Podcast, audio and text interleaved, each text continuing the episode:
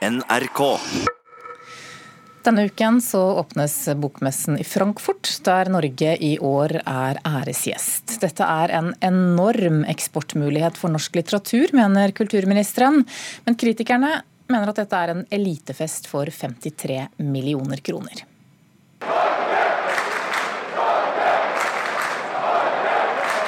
Nei, det kommer nok ikke til å høres helt slik ut når Norge er æresgjest på bokmessa i Frankfurt. Men det kunne vært plass til 56 fotballbaner på arealet til verdens største bokmesse, som huser 280 000 mennesker over fem dager. 53 millioner kroner er lagt i satsingen på Norge som æresgjest. 30 millioner av dem fra staten. 500 bøker er oversatt til tysk for å få forfattere som bl.a. Jon Fosse og Helga Flatland ut i verden. Eller som forelegger Arve Juritzen ser det. Her blir det flere som kommer til å lese noen få norske bøker fra noen få norske forfattere. Er det verdt alle disse millionene? Jeg syns ikke det. Juritzen er ikke eneste kritiker. I fjor kalte forfatter Jan Kjærstad satsingen for et stort selvbedrag.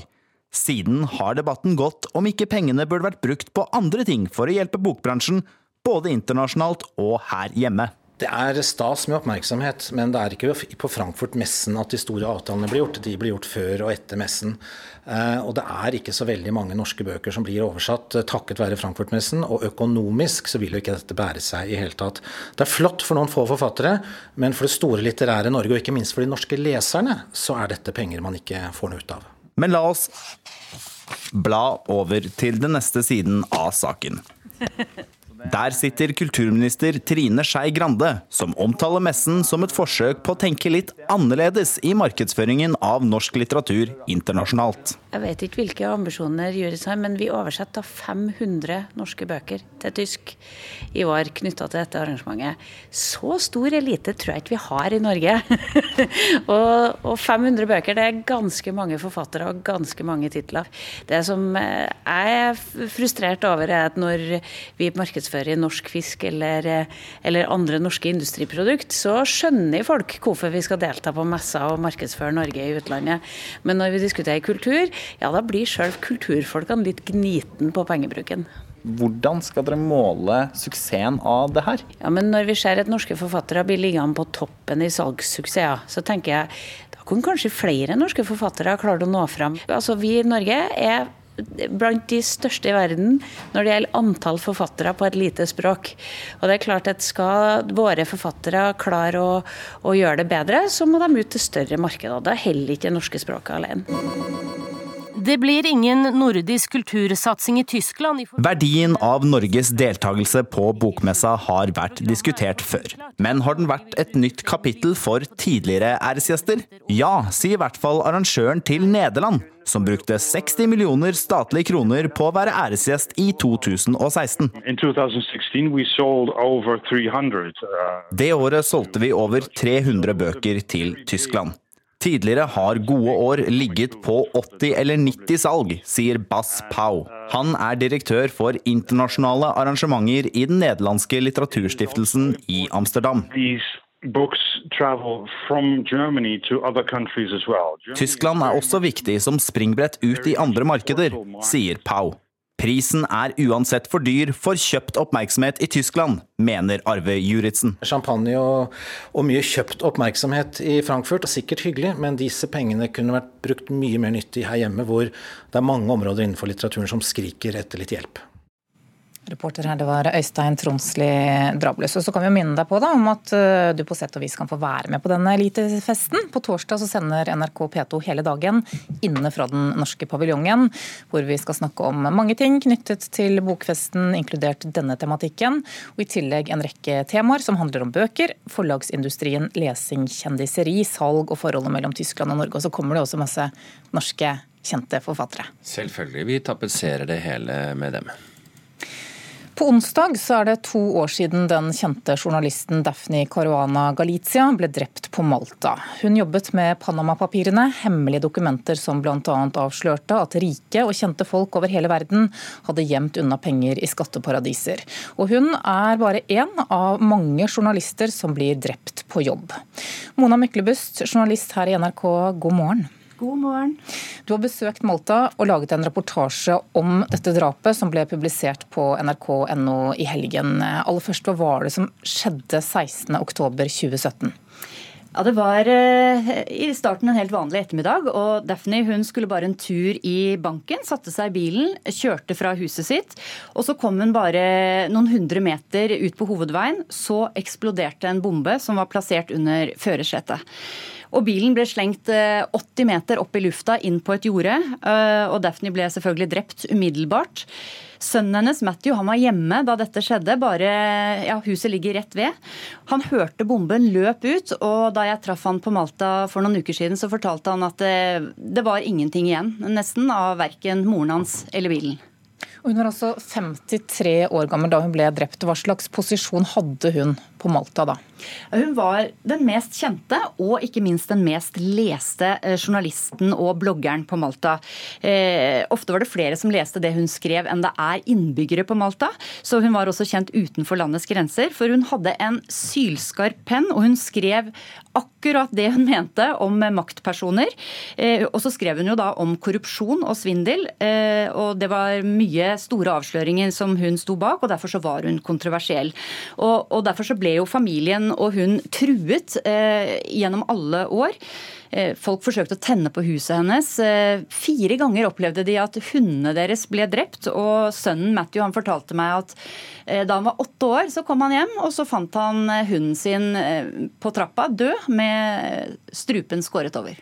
Og Da hun ble drept, så jobbet hun altså med disse Panama-papirene, som vi også hadde mange oppslag på her i Norge. Var det derfor hun ble drept? Vet vi det? Nei, Vi vet faktisk ikke det, fordi det har ikke vært noen granskning av det som skjedde. Og og svaret på det kommer jo an på hvem du spør. da, og, og Snakker du med familien og, og støttespillere og presseorganisasjoner, eh, så, så, er de ganske sikre på at dette var et bestillingsdrap fra maktpersoner som følte seg svært truet eh, av Daphne. Og selv ikke redaktøren hennes, der hun jobbet i The Malta Independent, sier at han er helt sikker på hvilken sak hun jobbet med da dette skjedde. Men, men, det er ikke urimelig å tro at det kan ha med en eller flere av de sakene som hun skrev om eh, etter Panama Papers. Og Du har jo da vært på Malta. Hvordan er forholdene generelt for journalister der? Ja, det er jo et eh, demokratisk land da, som ligger her i Europa. og Mange av oss har kanskje vært på ferie og badeferie og den type ting. Eh, og det er pressefrihet på papiret, men i praksis så kontrolleres eh, mediene av myndighetene. Eh, rett og slett ved at eh, det er regjeringen som kjøper mest annonseplass. Eh, skriver du noe kritisk, så dropper bare myndighetene å annonsere i avisa di, og dermed så får du heller ingen inntekt. Så dermed så presses journalistene til å ikke være spesielt kritiske. Generalsekretær Elin Floberg Hagen i Norsk Presseforbund, god morgen til deg også. God morgen. Hvor mange journalister er det som blir drept på jobb? Dette er jo, eh, og Dessverre så er jo Daphne fra Malta et av, eh, det er en veldig veldig dårlig statistikk og, en, og en, en, veldig dårlig utvikling. Altså I fjor var det over 80 eh, journalister som ble drept på jobb. Veldig mange av de, og de aller fleste, er utenfor Europa. Men de siste årene så har vi også sett en, en urovekkende utvikling i Europa. På hvilken måte? Eh, både gjennom direkte angrep og eh, også drap på journalister, men også gjennom økt grad av nasjonalisering, altså ta kontroll over mediene. Eh, det Mona her beskriver om at staten ikke annonserer, at venner rundt regjeringsapparatet kjøper opp mediene, f.eks. i Ungarn. Det som skjedde i, i går kveld i, i, Polen er ikke et godt uh, tegn for pressefrihet uh, i det landet. Uh, valget, altså. valget mm. i, i, Polen i går. og hvor, hvor, nasjonalisering av mediene er et stort problem. Og i tillegg vil jeg si eh, trusler mot journalister. Eh, og, og, og, retorikk fra statlige regjeringssjefer og ledere eh, mot journalister, som øker trykket. Det er jo ikke i Europa at det er verst, men hvilke land i Europa er dere mest bekymret for? Ja, dessverre så er det mange, da, etter hvert. Eh, altså jeg vil si store deler av øst og sør i Europa. Eh, Polen, eh, Ungarn, eh, Slovakia, eh, Malta. Eh, Tyrkia selvfølgelig, når det ikke er pressefrihet igjen. Russland har vært et veldig veldig dårlig land for presse i, i alle år. Nå også Ukraina. Så, så, det er mange land hvor vi ser en urovekkende utvikling. Hvor stort ansvar har politiske ledere, da, som f.eks. Donald Trump, for at klimaet blir hardere? Den, den eh, retorikken som brukes mot uh, fri, uavhengig journalistikk, er jo farlig. ikke sant? Fordi at når, når den er så skarp og så hard, uh, så bekymres vi over at det, vi mener at, å kunne se at dette kan føre til, til angrep, trusler, vold. Hva skiller drap på journalister fra andre drap? Ja, dette er jo et forsøk på å, å, ta livet av eller true folk til taushet som prøver å rapportere hva som faktisk skjer. Og I mange år så har vi jo sett at det, det har vært tilfellet i, i, krigs- og konfliktområder, ikke sant? hvor kampen om sannheten, kampen om fortellingen, uh, er kjempeviktig. Det vi ser nå, er jo at mange av disse drapene som vi snakker om her, det er drap begått av de som står bak, er, er folk som blir utsatt for kritisk journalistikk. Det er mektige personer, eh, forretningsmenn, eh, regjeringsmedlemmer medlemmer, partifolk, som blir ut, uh, utsatt for kritisk journalistikk, og som finner en måte å, å, å kvitte seg med, med brysomme uh, journalister på.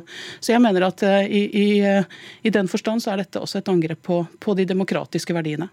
Mona Myklebust, du har også sett på trusler mot norske journalister, og publiserer en sak om dette her på NRK.no om en ukes tid. Hva har du funnet ut? Jeg har i hvert fall snakket med 20 norske journalister og redaktører som har opplevd trusler og vold pga. jobben eh, de har. Og Norge er jo verdens mest pressefrie land, og likevel så sier hver fjerde eh, som jobber i pressen at de har opplevd å få trusler.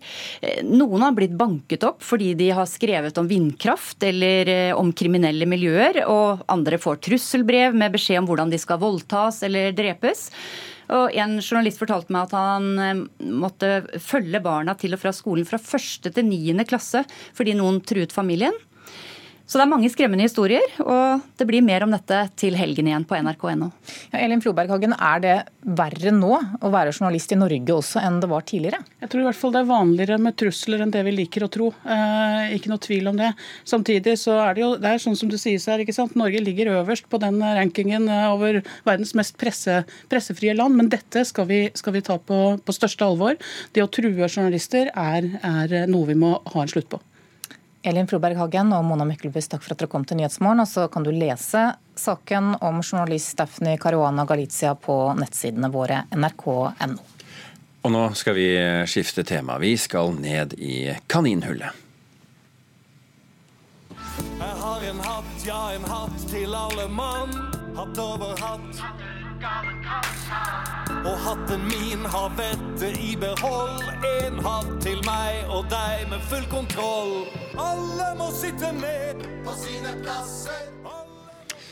Alice i Eventyrland, skrevet av Louis Carroll i 1865. En klassiker i barnelitteraturen, også i filmhistorien for øvrig. Historien er altså om den unge jenta Alice som faller ned i et kaninhull og ender opp i Eventyrland. Den er filmatisert en rekke ganger. Denne høsten er det Nationaltheatrets store familiesatsing, og Karen Frøsland Nystøl litteratur, nei, teaterkritiker her i NRK. Eh, skal vi først eh, gå inn på hva slags eventyrland Nationaltheatret egentlig byr på her? Ja, det kan vi gjøre. De, de, brer seg over hele hovedscenen ved Nationaltheatret. Og scenografien er en stor speilkonstruksjon som dreier rundt, og som gir en slags sånn labyrintisk effekt. Det er Mats Bones og Kyrre Havdal eh, som står bak denne produksjonen. De har gjort flere suksesser ved Trøndelag Teater tidligere, som en egen versjon av Nøtteknekkeren og juleevangeliet, The Smash Hit Musical, så de vet å lage familieforestillinger forestillinger. Så har de kalt det Alice i vidunderland denne gangen. Ikke eventyrland, men vidunderland. Og det handler om å modnes, om å erkjenne tap og sorg, og om å gå videre i livet. Og dette, dette har de gitt et ganske moderne og oppdatert uttrykk. Er det ut på scenen? Hva sa du, nå hørte jeg deg ikke. Hvordan ser det ut på scenen? En stor speilkonstruksjon. Eh, Alice faller ned i et hull, og da bruker de store stoffstykker som på en måte omslutter henne, og så faller hun ned, og så er hun i en helt annen verden. Men det starter et annet sted. Det starter i Alice sitt konfirmasjonsselskap, for hun er blitt 14 år, hun har fått regulering, og hun skal da konfirmeres. Så hele settingen er et stort langbord der familien sitter bunadkledd, og de har skrevet sanger på rosa ark, og, de, og far holder en utrolig klein fin tale til Alice. Og det er her det kommer fram da, at Alice sin mamma er død, og det er det som er vanskelig for Alice å håndtere og forsone seg med. Da kommer den hvite kaninen midt i konfirmasjonsselskapet og neppe Alice med seg, tar hun med til Eventyrland, sånn at hun kan bearbeide det hun egentlig bærer på, og forsones med det.